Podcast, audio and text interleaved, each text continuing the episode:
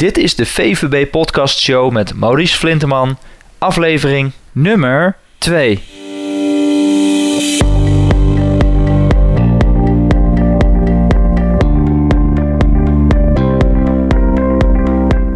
Welkom bij de VVB Podcast Show, waarin je luistert naar experts die je voorzien van de beste informatie, tips en tricks om het rendement op je vermogen te optimaliseren.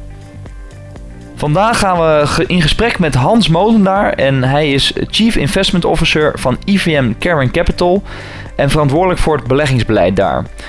Hans is medeoprichter en samen met twee anderen heeft hij IVM Caring Capital opgericht in de overtuiging dat we, ja, we anders om moeten gaan met de aarde, de mensen, maar ook de natuurlijke hulpbronnen dan dat we de afgelopen decennia hebben gedaan. Uh, daarom belegt IVM uitsluitend duurzaam. Uh, Hans heeft economie gestudeerd en heeft de afgelopen 25 jaar gewerkt als vermogensbeheerder bij verschillende financiële instellingen. Uh, voordat hij de stap waagde uh, naar zelfstandig ondernemerschap. en toen was hij algemeen directeur van SNS Asset Management. Welkom Hans. Dankjewel. nou, leuk dat je mee wil doen aan onze podcast over in dit geval het onderwerp duurzaam beleggen, wat we, wat we vandaag gaan bespreken. En het is natuurlijk een onderwerp wat uh, nou ja, best wel uh, lastig is. Hè? Want ja, wat is nou eigenlijk duurzaam beleggen? Die definitie is, is nogal vrij breed. Kun je eens aangeven wat ja, jouw definitie is van, van duurzaam beleggen? Um, ja, natuurlijk kan ik dat. Hè, nou, ik denk dat je moet proberen het zo eenvoudig mogelijk te houden. Voor mij is duurzaam beleggen is, beleggen waarbij je niet alleen kijkt naar het financieel rendement wat je ermee wil behalen, maar ook kijkt uh, wat het maatschappelijk rendement of de maatschappelijke betekenis uh, van je beleggingen is. Ja, en maatschappelijk beleggen, uh, dat is ook weer ja, een vrij brede term. Want je ziet toch dat steeds meer mensen zich bewust worden van, van een aantal zaken, zoals milieu, maar ook ja, van, van andere ja, dingen die met, met duurzaam te maken hebben. Dus sustainable beleggen, maar ook ondernemen natuurlijk, uh, wat, wat veel steeds meer ondernemers uh, als belangrijk gaan zien. Um, wat, wat is nou iets waar, waar mensen, wat, wat is nou voor jou betreft een, een teken wat, wat echt met duurzaam beleggen te maken heeft? Um, nou, hè, eigenlijk, uh, ik zeg maatschappelijk. En als je dat dan weer een beetje verder uitsplitst, dan kijk je vooral naar inderdaad en, en de milieuaspecten. Um, nou, kijk je naar sociale aspecten. Um, ik denk dat er nou ja, bijna of, of, eigenlijk niemand is die wil uh, beleggen in een bedrijf uh, dat betrokken is bij bijvoorbeeld kinderarbeid of, of slavenarbeid. Ja, dat, dat wil je gewoon niet. En ehm, als je duurzaam belegt, dan controleer je eigenlijk of uh, bedrijven zich aan, aan uh, afspraken houden. En ook hun best doen om te kijken of bijvoorbeeld de leveranciers die zij hebben. Hè, en de hele keten van leveranciers, of die zich daar ook aan houden. Uh, nou, milieu denk ik. Hè, we, we, zien, nou ja, we hebben de gevolgen van klimaatveranderingen worden steeds zichtbaarder. Dus ik denk dat iedereen ook uh, zal denken van ja, daar, daar, wil ik ook rekening mee houden als ik, uh, als ik beleg. Uh, want ehm, ja, klimaatverandering heeft gevolgen voor ons allemaal. Ehm, en dus kijk je naar hoe, hoe kun je zorgen dat bijvoorbeeld de CO2-uitstoot vermindert zorgen dat het water uh, niet onnodig vervuild raakt. Uh, of dat er, hoe kun je voorkomen dat er giftige stoffen de lucht inkomen. En als duurzaam belegger zeg je dus niet alleen ik doe van de bedrijven of de landen of de instellingen waar ik in beleg, kijk ik naar hoe gaat het financieel met ze. Maar ook wat doen zij om te zorgen dat ze niet direct of indirect betrokken zijn bij kinderarbeid dat ze uh, de milieuvervuiling die ze veroorzaken, want uh, dat is natuurlijk ook af en toe onvermijdelijk. En dat doen wij zelf ook, milieuvervuiling veroorzaken. Maar hoe probeer je dat nou tot een minimum te beperken? En hoe probeer je dat ook terug te dringen? En dat is voor mij uh, duurzaam beleggen. En uh, is dat dan op een bepaalde manier meetbaar? Want je, je geeft naar mijn idee eigenlijk aan van je, je uh, sluit bepaalde bedrijven eigenlijk uit. Hè, waar, waarin je wil beleggen omdat ze bijvoorbeeld niet bezig zijn met duurzame achtergrond, zeg maar. Bijvoorbeeld duurzaam ondernemen of met het bedrijf duurzaam bezig zijn. Dus jullie sluiten dan bepaalde bedrijven uit. Kun je daar iets meer over vertellen? Um, ja, dat, nou, er zijn uh, meer manieren om, uh, om duurzaam te beleggen. Uh, een manier is om te zeggen, en dat is ook zoals wij bij IVM Car Capital dat doen, we sluiten bedrijven wiens activiteiten eigenlijk uh, ja, tegen duurzaamheid uh, ingaan, uh, sluiten wij uit. Hè, dat betekent bijvoorbeeld wij beleggen niet in bedrijven die betrokken zijn bij de productie van wapens of bij de productie van tabak. en, sigaretten en, en, dat soort dingen. Daar willen we gewoon niet mee te maken hebben. Maar je hebt ook bedrijven en ik denk een bekend voorbeeld daarvan is, is Walmart in Amerika. Uh, ja, die uh, hebben gewoon een hele uh, slecht sociaal beleid en betalen mensen slecht. en hebben ook slechte arbeidsvoorwaarden. Nou, dat is voor ons ook een reden om te zeggen van ja, als je zo met je mensen omgaat, dat is niet duurzaam. dat sluiten we uit. Ehm, en Kijk, en, en, zo hebben we ook bedrijven uh, die uh, bijvoorbeeld uh, het milieu onnodig veel vervuilen. Hè? En dan zeggen we ook van dat sluiten we uit. Dus dat is één manier om duurzaam te beleggen. Een andere manier die wij ook hanteren, is dat je zegt van nou, ik benader het wat positiever. En ik ga juist beleggen in de bedrijven uh, die het juist heel goed doen op het gebied van duurzaamheid. Uh, hè, en dan zeg je bijvoorbeeld, nou, in de sector, nou, noem eens wat, duurzame consumptiegoederen. Hè, dat is een, een sector waar bedrijven in zitten die ja, allerlei consumptiegoederen maken die, uh, die lang meegaan. Uh, daar beleg ik in, uh, in bedrijven die, die milieu wel degelijk meenemen. En ook sociaal aspecten van, het bedrijf, van, van bedrijfsvoering meenemen. En dan zeg je van nou dat zijn bijvoorbeeld in die sector zitten 30 bedrijven waar je in kan beleggen. Wij beleggen alleen in de 15 beste die dat uh, op het gebied van duurzaamheid het beste scoren. Dus dat is eigenlijk het belonen van bedrijven die uh, uh, juist hun best doen om duurzamer te zijn en duurzamer te worden. dat is een andere manier. een, nog een andere manier is dat je zegt: ja, ik beleg wel in bedrijven die het niet zo goed doen, maar ik ga de dialoog met ze aan. Dus ik spreek ze aan op hun bedrijf, zodat je ja, ze eigenlijk aanzet tot verbeteren van uh, hun uh, bedrijfsvoering. en dat, dat wordt dan uh, genoemd engagement dus je gaat eigenlijk uh, als aandeelhouder, en we hebben het bijvoorbeeld ook bij, uh, bij de aandeelhoudersvergadering van Shell laatst gezien, uh, dat je bedrijven aanspreekt op hun gedrag. En dat kun je ook buiten aandeelhoudersvergaderingen doen, want als aandeelhouder is een bedrijf toch wel bereid naar je te luisteren, want je bent tenslotte mede-eigenaar van een bedrijf. Ja, precies. En um, als je dan kijkt, hè, want uh, je ziet dat uh, ja, uh, elke belegger zou eigenlijk wel duurzaam willen beleggen. Alleen het is heel lastig om, de, om daar denk ik ook vooraf ja, die, die keuze bij elke beheerder natuurlijk wat ruimer genomen. Um, waarom zou elke belegger duurzaam moeten beleggen wat jou betreft? En wat is de reden dat dit dan nog, nog niet gebeurt? Want in de praktijk zien we het eigenlijk wel dat steeds meer mensen zich er bewust van worden. Maar of het ook echt daadwerkelijk in de praktijk gebeurt, denk ik niet. Um, nee, ik denk ook nog dat het, uh, dat het onvoldoende gebeurt. Um, nou, om eerst je vraag te beantwoorden, waarom zou elke belegger duurzaam moeten beleggen? Uh, nou, hè, dat is wat ik gezegd heb. We leven op deze aarde um, en wij zeggen altijd: we hebben uh, onze welvaart en deze aarde in bruikleen van onze kinderen. En als je alleen naar financieel rendement geeft, dan zul je je kinderen en je kleinkinderen misschien wel een, uh, uh, een, een goede financiële toekomst kunnen bieden. Maar als dat een toekomst is in een, in een wereld die zwaar vervuild is en waar mensen. wereldwijd nou, armoede lijden en slecht behandeld worden. Volgens mij moet je beide doen. En dat is de reden waarom je duurzaam moet beleggen.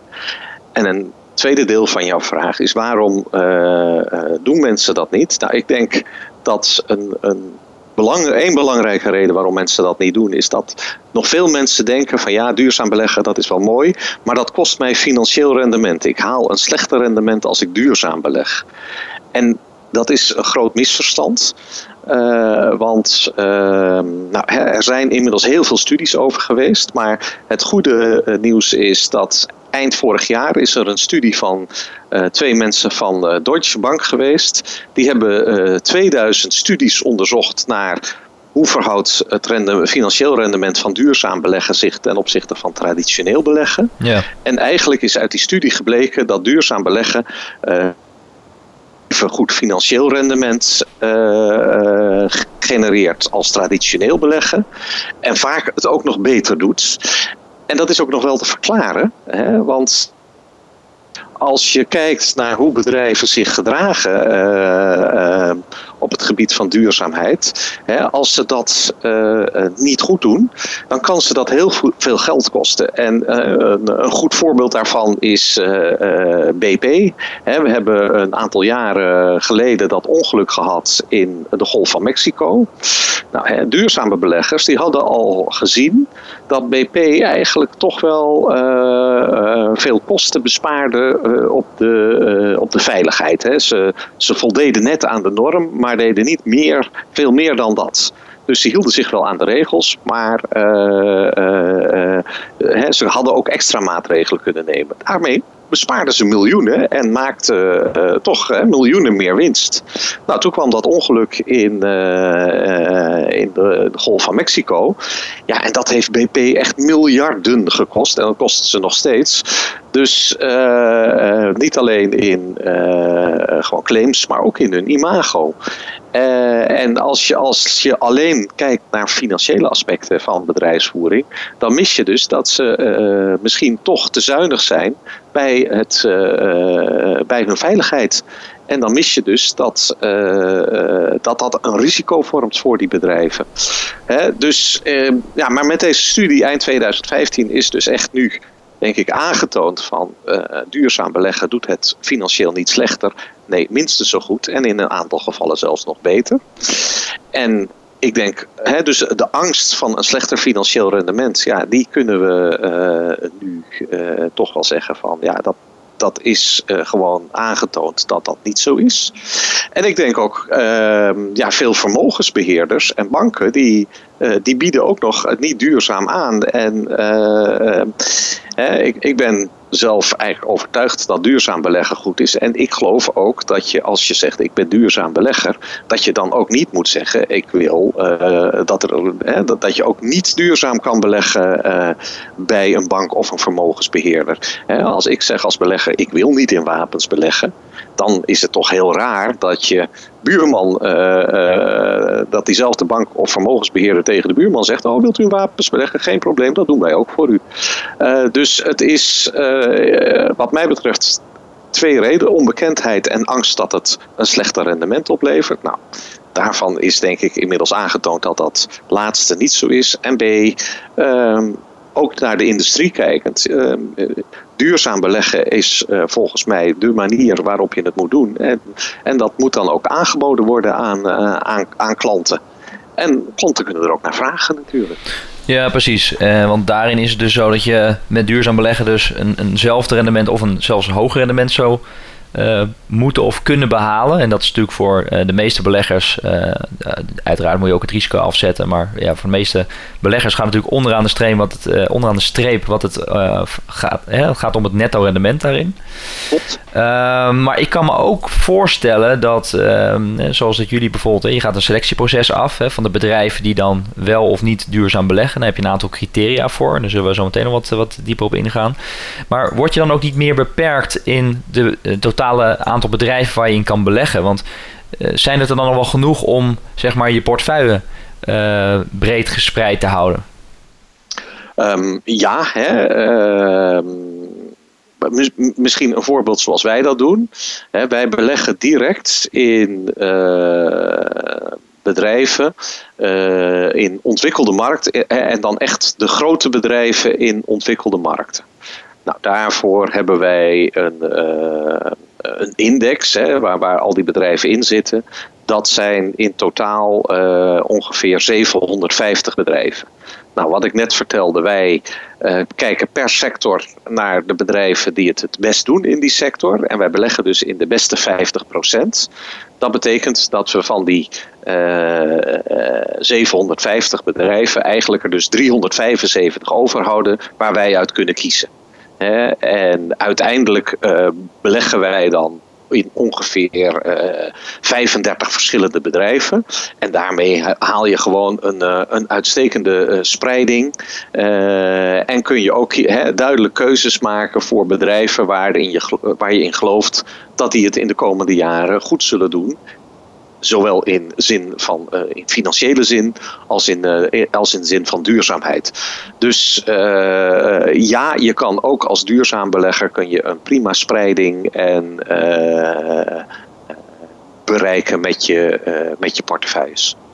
Ja, precies. En dat is denk ik voor heel veel beleggers toch wel een, een belangrijk aspect. Uh, want nou ja, jij bent natuurlijk al een tijd uh, bezig in de markt. En uh, jij ziet natuurlijk ook wat er bij concurrenten gebeurt. Of mede-concurrenten, of net hoe je, hoe je het ziet, con-collega's. wat zijn wat jou betreft um, de valkuilen en problemen waar veel particuliere beleggers mee te maken krijgen als ze op zoek zijn naar een duurzame belegging? Um, ik denk dat dat jij begon al van ja, duurzaam beleggen is een heel breed begrip. Iedereen is, uh, als je in een supermarkt komt, dan is uh, eigenlijk op, op alle producten staat dat het duurzaam is. En daardoor ehm, eh, is het vaak moeilijk voor een, voor een cliënt om, die kan door de bomen het bos niet meer zien. Ehm, en er zijn natuurlijk ook een aantal manieren waarop je duurzaam kan beleggen. Je kan, je kan zeggen van nou ehm, ik, uh, ik wil alleen maar dat u echt eh, de hele slechte bedrijven uitsluit. Of je kan juist eh, zeggen van nee, ik wil juist heel geconcentreerd bijvoorbeeld in schone energie beleggen. En het is moeilijk, denk ik, voor een, voor een particulier, voor een, voor een cliënt om al die vormen te, te, kunnen beoordelen. Um, ik denk gewoon dat een, eh, een, een cliënt uh, aan zijn bank of vermogensbeheerder moet vragen van nou leg mij maar uit hoe jij duurzaam belegt. En zelf moet bedenken van ja wat, wat wil ik nou? Hè? Ik wil, en dat is denk ik heel logisch, wel een goede spreiding. Dus alleen in een uh, schoon energiefonds beleggen, ja, is gewoon qua spreiding, ja, dat, dat neemt puur risico maar je kan ook zeggen van nee, als ik duurzaam beleg, dan wil ik een breed gespreide portefeuille. Maar ik wil wel dat jullie rekening mee houden dat ik bijvoorbeeld niet in wapens en uh, niet in tabak wil beleggen. Nou, als je dat uh, uitsluit, uh, dan kun je nog steeds een, een uitstekend gespreide portefeuille maken. maar het, het, is een beetje, het is door de bomen het bos niet meer zien. Ja. En ik denk dat een cliënt gewoon zich moet afvragen: wat vind ik nou belangrijk? En dat tegen zijn bank of vermogensbeheerder moet of vermogensbeheerder, maar aan die cliënt uitleggen van nou zo en zo doen wij dat en pakken wij dat aan. En dan kan je uh, als, als cliënt zelf bepalen, ja dat spreekt mij wel of niet aan. Ja, dat, maar dan is het natuurlijk best wel lastig. Want ik, eh, ik merk dat ook in de praktijk. Hè. Je hebt uh, specifieke mensen die daar vaak naar op zoek zijn, of beleggers. Die zeggen van nou, ik wil een, een duurzame partij. En er zijn steeds meer vermogensbeheerders die, uh, wat je zelf al aangeeft, naast hun huidige beleid eigenlijk duurzaam beleggen dan opzetten. En ja, het is voor een particuliere belegger natuurlijk heel lastig om te controleren of het dan ook echt daadwerkelijk duurzaam wordt belegd. Hè? Want ja, die grens kun je voor jezelf zo, hè, die lat kun je eigenlijk zo hoog leggen als je zelf maar wilt. Uh, kun je uh, naast wat je net hebt aangegeven uh, nog wat meer belangrijke criteria aangeven waar een, waar een belegger op moet letten om, ja, om duurzaam te beleggen en een kritische vraag te kunnen stellen om te controleren of de vermogensbeheerder ook daadwerkelijk duurzaam belegt? Um, ja, ehm, nou, ik denk dat als je zegt ik vind duurzaam beleggen belangrijk, dan zou je eigenlijk naar een vermogensbeheerder moeten stappen die uitsluitend duurzaam belegt. En niet naar een vermogensbeheerder die ook niet duurzaam belegt. Want uh, je kan ook niet een beetje zwanger zijn. Uh, je bent zwanger of je bent het niet. En zo zie ik, kijk ik ook naar duurzaamheid. Uh, je belegt duurzaam of je belegt niet duurzaam. Ik denk dat dat uh, het al voor een, voor een cliënt makkelijker maakt. Ja, mijn uh, vermogensbeheerder is, die belegt volledig duurzaam. Dat is dan een, helder, een heldere keuze die een klant kan maken en die die vermogensbeheerder dus ook al gemaakt heeft. Nou, kijk je dan, hoe doet hij dat? Ja, dan, dan moet je dus als vermogensbeheerder uitleggen van hoe doe ik nou die selectie? en daar kan je, uh, wat, wat zijn nou de criteria die je hanteert? Kijk, wij hebben op onze website, zie je bij ons een uitsluitingslijst staan. die zetten we ieder jaar, kijken we er opnieuw naar. En uh, beoordelen we zijn de bedrijven waar we echt niet in willen beleggen, zijn die nog. Hè, er zijn ook bedrijven die, beter, die zich verbeteren. Nou, dan gaan ze van de uitsluitingslijst af. Er zijn bedrijven die zich die slechter doen. Dan gaan ze erop. Hè, maar er, staat dus heel helder van welke bedrijven sluiten wij uit. Ik denk dat dat al een, een, een, manier is om te kijken. maar het is inderdaad ook van hoe onderzoek je nou bedrijven of ze wel of niet duurzaam zijn daar heb je vaak weer specialistische researchpartijen voor. Die dat uh, voor je doen, omdat het heel specialistisch werk is. Nou, leg maar uit als vermogensbeheerder of als bank welke researchpartij je gebruikt en hoe die dan die uh, duurzame selectie maken. Ja, precies. Dus uh, daar uh, valt in ieder geval uh, nog best wel te onderzoeken als ik, als ik jou zo hoor. Um, want ben jij dan naast het beleggen, want het duurzaam beleggen vind jij dat is een heel belangrijk aspect, maar ben je dan ook in jouw privéleven ook heel erg bezig om de wereld een, stukje beter te maken? En kun je ook aangeven waar jij dan op, op let? Um, ja, ik, ik probeer dat natuurlijk ook te doen. Uh, hè, nou, een, van de uh, uh, manieren wat ik dat probeer is inderdaad bijvoorbeeld mijn CO2-uitstoot te beperken. Um, ik rij inmiddels 2,5 jaar in een volledig elektrische auto. Hè, om, om daarmee inderdaad ja, wat dat betreft een, een, een, steentje bij te dragen aan klimaat. Hè. En dat is ook hè, isoleer je huis, uh, gebruik ledlampen. Uh, hè, dus, Eventueel zonnepanelen op, je, op, je, op je huis. Wat zeg je? Eventueel zonnepanelen op je, op je woning. heb ik ook staan, ja. Kijk aan. maar ook van... Hè, ehm, kijk, met, als je producten koopt... Hè, ehm, ehm, ik ik koop voor bijvoorbeeld veel uh, biologisch vlees. Uh, eigenlijk om twee redenen. Ik vind het belangrijk dat dat uh, goed gebeurt. En een andere is ook gewoon heel eerlijk. Ik vind biologisch vlees vaak veel lekkerder dan dat niet biologisch vlees. Waar van ik vind dat er weinig smaak aan zit. Dus hè, duurzaam hoeft niet altijd. Uh, uh, dat kan ook uh, goed samengaan met dingen die je, die je lekker vindt en waardeert. maar ook inderdaad van ja, waar komen spullen vandaan? Hè, wij zijn ook betrokken bij een, een gemeenschappelijk initiatief van een aantal beleggers om te kijken in Bangladesh. Hè. We hebben dat ongeluk gehad. Uh, maar wordt het nu echt beter? Hè? En, uh, wij proberen als groep van beleggers, en uh, hè, daar dragen wij een klein steentje aan bij, ook echt de bedrijven in de kledingindustrie bewust te maken van dat dat is niet iets van dat daar moet je eenmalig op letten. Nee, dat moet je bij je inkoop, moet je dat controleren. dat in Bangladesh ook op een fatsoenlijke manier met de mensen die daarin werken worden omgegaan. Dan moet je dus ook, zeg je, als je zelf kleding koopt, vind ik daarop letten van uh, waar komt die kleding vandaan.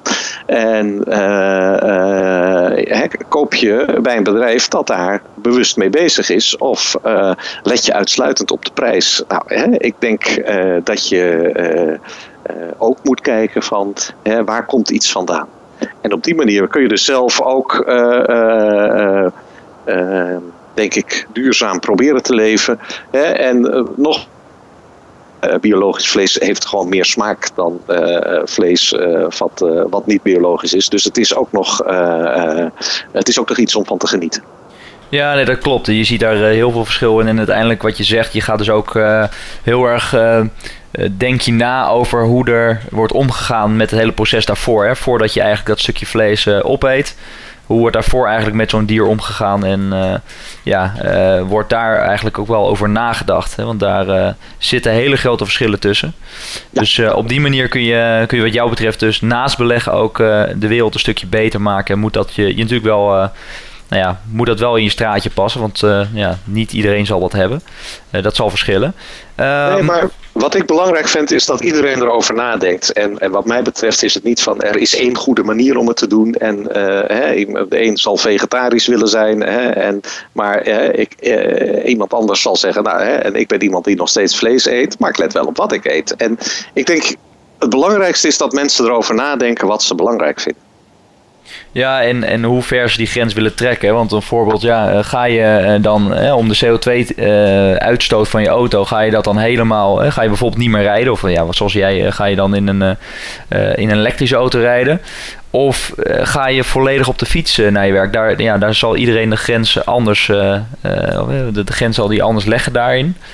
Maar het is wel uh, goed om daarover na te denken en om daarmee bezig te zijn. En uh, ja, dus ook in dit geval je vermogensbieden daarop te, te controleren. Ja, maar zo is het. Uh, denk erover na wat je belangrijk vindt. En wat ook haalbaar is. Hè? Want iemand die 50 kilometer van zijn werk woont. Ja, dat is, wel, uh, dat is dan iedere dag wel een hele, hele tijd fietsen. Dus ja. uh, het gaat erom dat je erover nadenkt wat je kan en wat je uh, zelf belangrijk vindt. Ja, precies. Um, nou ja, Hans, jij hebt natuurlijk, je bent al een hele tijd werkzaam in, in de vermogensbeheerwereld. Ehm, zoals we ook in de intro hebben, hebben kunnen horen, ja, ben jij al, nou, hoeveel jaar zit je nu in de vermogensbeheerwereld? Um, inmiddels 26 jaar. 26 jaar, dus een, een hele lange tijd. Wat is nou jouw belangrijkste levensles uh, geweest in jouw werkzame leven uh, in de vermogensbewereld die ja, destijds jouw uh, leven volledig op zijn kop heeft gezet? Of, of het inzicht of de, wat je hebt geleerd daarvan? nou ja, toch ook wat ik ehm, net zei, van, van je moet erover nadenken. Ehm, hè, ik, vroeger, ik ben ook begonnen als traditioneel belegger en eigenlijk vooral gefocust uh, op het, uh, of, of, in het begin eigenlijk uitsluitend gefocust op financieel rendement. Je hield niet, ik hield geen rekening met de maatschappelijke aspecten. Maar ja, hè, op een gegeven moment zie je dingen om je heen gebeuren. En um, ik heb uh, voordat ik met IVM Care Capital uh, begon, heb ik bij, bij SNS Asset Management gewerkt. En, en daar ben ik me eigenlijk, en in die tijd bij Zwitserleven daarvoor begon dat al, maar heel bewust geworden van ja, maar dit is belangrijk. En ehm, zoals wij de afgelopen decennia ja, toch eigenlijk uh, geleefd hebben. En uh, eigenlijk gezorgd dat ons financiële welvaart uh, is vergroot. Ehm, maar dat is ten koste gegaan van, nou, van het milieu en van mensen. zo kunnen we niet verder en zo wil ik ook niet verder. En ja, die bewustwording heeft mij ertoe geleid dat ik gezegd: nee, we moeten echt op een duurzame manier gaan. meer duurzame manier gaan beleggen waarbij we niet alleen naar financiële welvaart kijken, maar ook gewoon naar uh, het welzijn van mensen en het welzijn van de aarde. Uh, en uh, daar kun je als belegger kun je daar ook invulling aan geven. En uh, ja, op die manier uh, een steentje bijdragen. En dat heeft bij mij ook wel, dat is niet van de ene dag op de andere. Dat was een proces wat een, wat een, een paar jaar heeft geduurd. Maar waarbij ik steeds meer ervan overtuigd ben geraakt. van, van dit is de weg voorwaarts. En, en zo kunnen we echt een een goede toekomst bouwen. Die, eh, nou ja, wel, hè, we zien het, eh, we hebben natuurlijk heel veel fossiele brandstoffen uh, verbrand. daar zien we nu dat die opwarming van de aarde ja, hard gaat op dit moment. En we, streven allemaal naar maximaal 2 graden Celsius. Maar als we zo doorgaan, dan worden het 3, 4 graden Celsius. Nou, dan zijn de natuurrampen. Hè, we hebben deze week dat wij spreken al wat uh, uh, natuurgeweld gezien in Europa. Maar dat wordt dan veel frequenter. Nou, volgens mij moeten we dat niet willen. En dus moeten wij zorgen dat we inderdaad van fossiele brandstof naar, naar, naar duurzame energie gaan. Nou, de techniek maakt dat mogelijk. Ehm, dus wij investeren daarin, omdat wij denken dat het nou, hè, dat dat ook uiteindelijk uh, financieel uh, het beste rendement geeft. Maar ook het beste is om die energietransitie van fossiel naar duurzaam te maken. Ja, en je geeft aan van nou, voor die verandering heeft, uh, heeft wel wat tijd uh, heeft er, uh, is er overheen gegaan, zeg maar, voordat je die verandering echt helemaal hebt doorgevoerd. Nou, nu weten we allemaal dat als je in een leven iets structureel wil omgooien, dan heeft daar over het algemeen een heel groot leermoment vooraf heeft zich aangedaan. Wat, wat kun je ons meenemen in, in, in, in die situatie waardoor jij echt zoiets had van nou, ik, ik moet dit toch echt anders gaan doen? Um, ja, nou ja, dat, dat, dat is toch iets, eh, een moment in je leven dat bij veel mensen inderdaad eh, veranderingen teweeg brengt. En, dat is eh, de geboorte uh, van, mijn, van mijn oudste zoon. Dan, dan begin je ook echt op dat moment veel meer na te denken over. even, wat betekent het voor hem? Ehm, als, als we eruit van uitgaan dat hij nou ja, eh, tussen de 90 en de 100 wordt. Dat betekent hè, dat hij aan het eind van, eh, van deze eeuw nog, uh, nog misschien nog wel leeft. Hè? En, en, hoe ziet, hoe ziet de aarde er dan uit? En hè, dat is toch wel, ik, ik zal maar zeggen, tot je kinderen krijgt, ja, denk ik dat je uh, daar wat minder over nadenkt. En voor mij was dat dus, maar ik denk dat dat voor veel mensen is. Van als je kinderen krijgt, dan word je meer bewust van hè, ook, ook uh, volgende generaties. die moeten op een goede manier kunnen leven. En daar moeten we over nadenken. Dat zijn we aan hun verplicht. Ja, nee, dat, is, dat is wel een mooi, mooi goed verhaal ook. Want ja, ik denk inderdaad dat door zo'n ja, door zo'n situatie dus ook echt uh, ja, verandert. En, en dat is ook aanpassen. Wel heel mooi dat je dan ook die stap hebt gezet om als ondernemer dan verder te gaan. En uh, daar ook je het hele, ja, uh, je, je, hele bedrijf eigenlijk in laat meegaan. ja, maar hè, ja, als je daar echt, echt van overtuigd bent. hè, toen, toen ik voor mezelf begon, dat is inmiddels vijf jaar geleden, uh, was dat echt heel bewust van uh, dit is de manier waarop wij verder willen en waarop wij verder zullen gaan. En daar, daar, hè, daar ben ik ook geen, niet bereid compromissen te sluiten. Wij, als een klant bij ons komt en die zegt ik wil niet duurzaam beleggen, dan zeggen we ja dat is dan jammer. Dan zullen we proberen te overtuigen dat duurzaam beter is. Maar als iemand zegt nee dat wil ik niet, ja, dan zeggen we ook dan kunt u geen klant bij ons worden. Nee. Uh, want uh, dat is een manier waar, waar wij niet in geloven. Nee, precies. Dus dan uh, dwing je iemand eigenlijk om op een andere manier daarmee bezig te zijn. Nou, in ieder geval om erover na te denken. En ik respecteer iedere keuze van iedereen. Maar het is wel iets waar, waar, waar iemand op dat moment in ieder geval goed over nadenkt. Ja, heel goed uh, Hans. Um, tot slot, uh, want dan gaan we het, uh, gaan we het interview beëindigen. heb je nog een aantal praktische tips, of het nou duurzaam is of niet, aan beleggers om hun beleggingen systematisch te verbeteren? Wat, wat is wat jou betreft nou echt heel belangrijk om uiteindelijk daarbij een goed, goed resultaat te halen? Kun je daar iets meer over vertellen? Nou, wat ik heel belangrijk vind is Wees een, zorg dat je voor de lange termijn belegt. Laat je niet te veel afleiden door de korte termijn. ik zie toch nog heel veel mensen die heel veel transacties doen. En uh, ik denk, veel transacties doen is goed voor de bank. want eh, de bank of de broker verdient daaraan. Maar als belegger, dan ja, je, je, en natuurlijk, je denkt, ik, ik koop iets, verkoop iets 10% hoger en dan koop ik iets anders. En dat gaat daarna 10% omhoog. Maar uh, zo, zo werkt het nu eenmaal niet. Probeer echt uh, te zeggen van ik koop iets omdat ik erin geloof. En hou dan ook uh, echt lang aan, aan die visie en dus aan die belegging vast. en natuurlijk niet oneindig, want de wereld verandert. Maar zorg dat je een lange termijn belegger bent. ik, ik zeg altijd, wij zijn een actief vermogensbeheerder. Want wij geloven dat wij met actief beleid waarde kunnen toevoegen.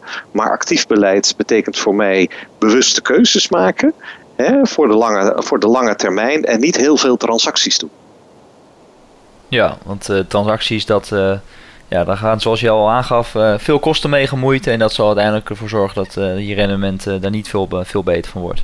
Dat klopt. Ja, Heel leuk, eh, Hans. Hartstikke bedankt uh, dat je meedeed uh, aan onze podcast en dat je ja, onze luisteraars waarde wilde, jouw waarde wilde delen daar, over duurzaam beleggen. En ik hoop jou ja, in ieder geval op een later moment nogmaals te kunnen uitnodigen.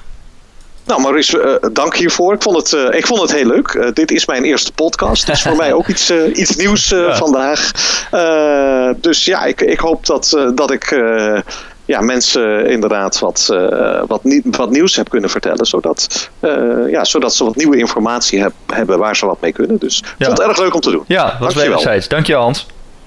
Dag Maurice. Dag. Bedankt voor het eh, luisteren naar onze VVB-podcast over duurzaam beleggen. Eh, ik hoop dat je er eh, veel aan hebt gehad.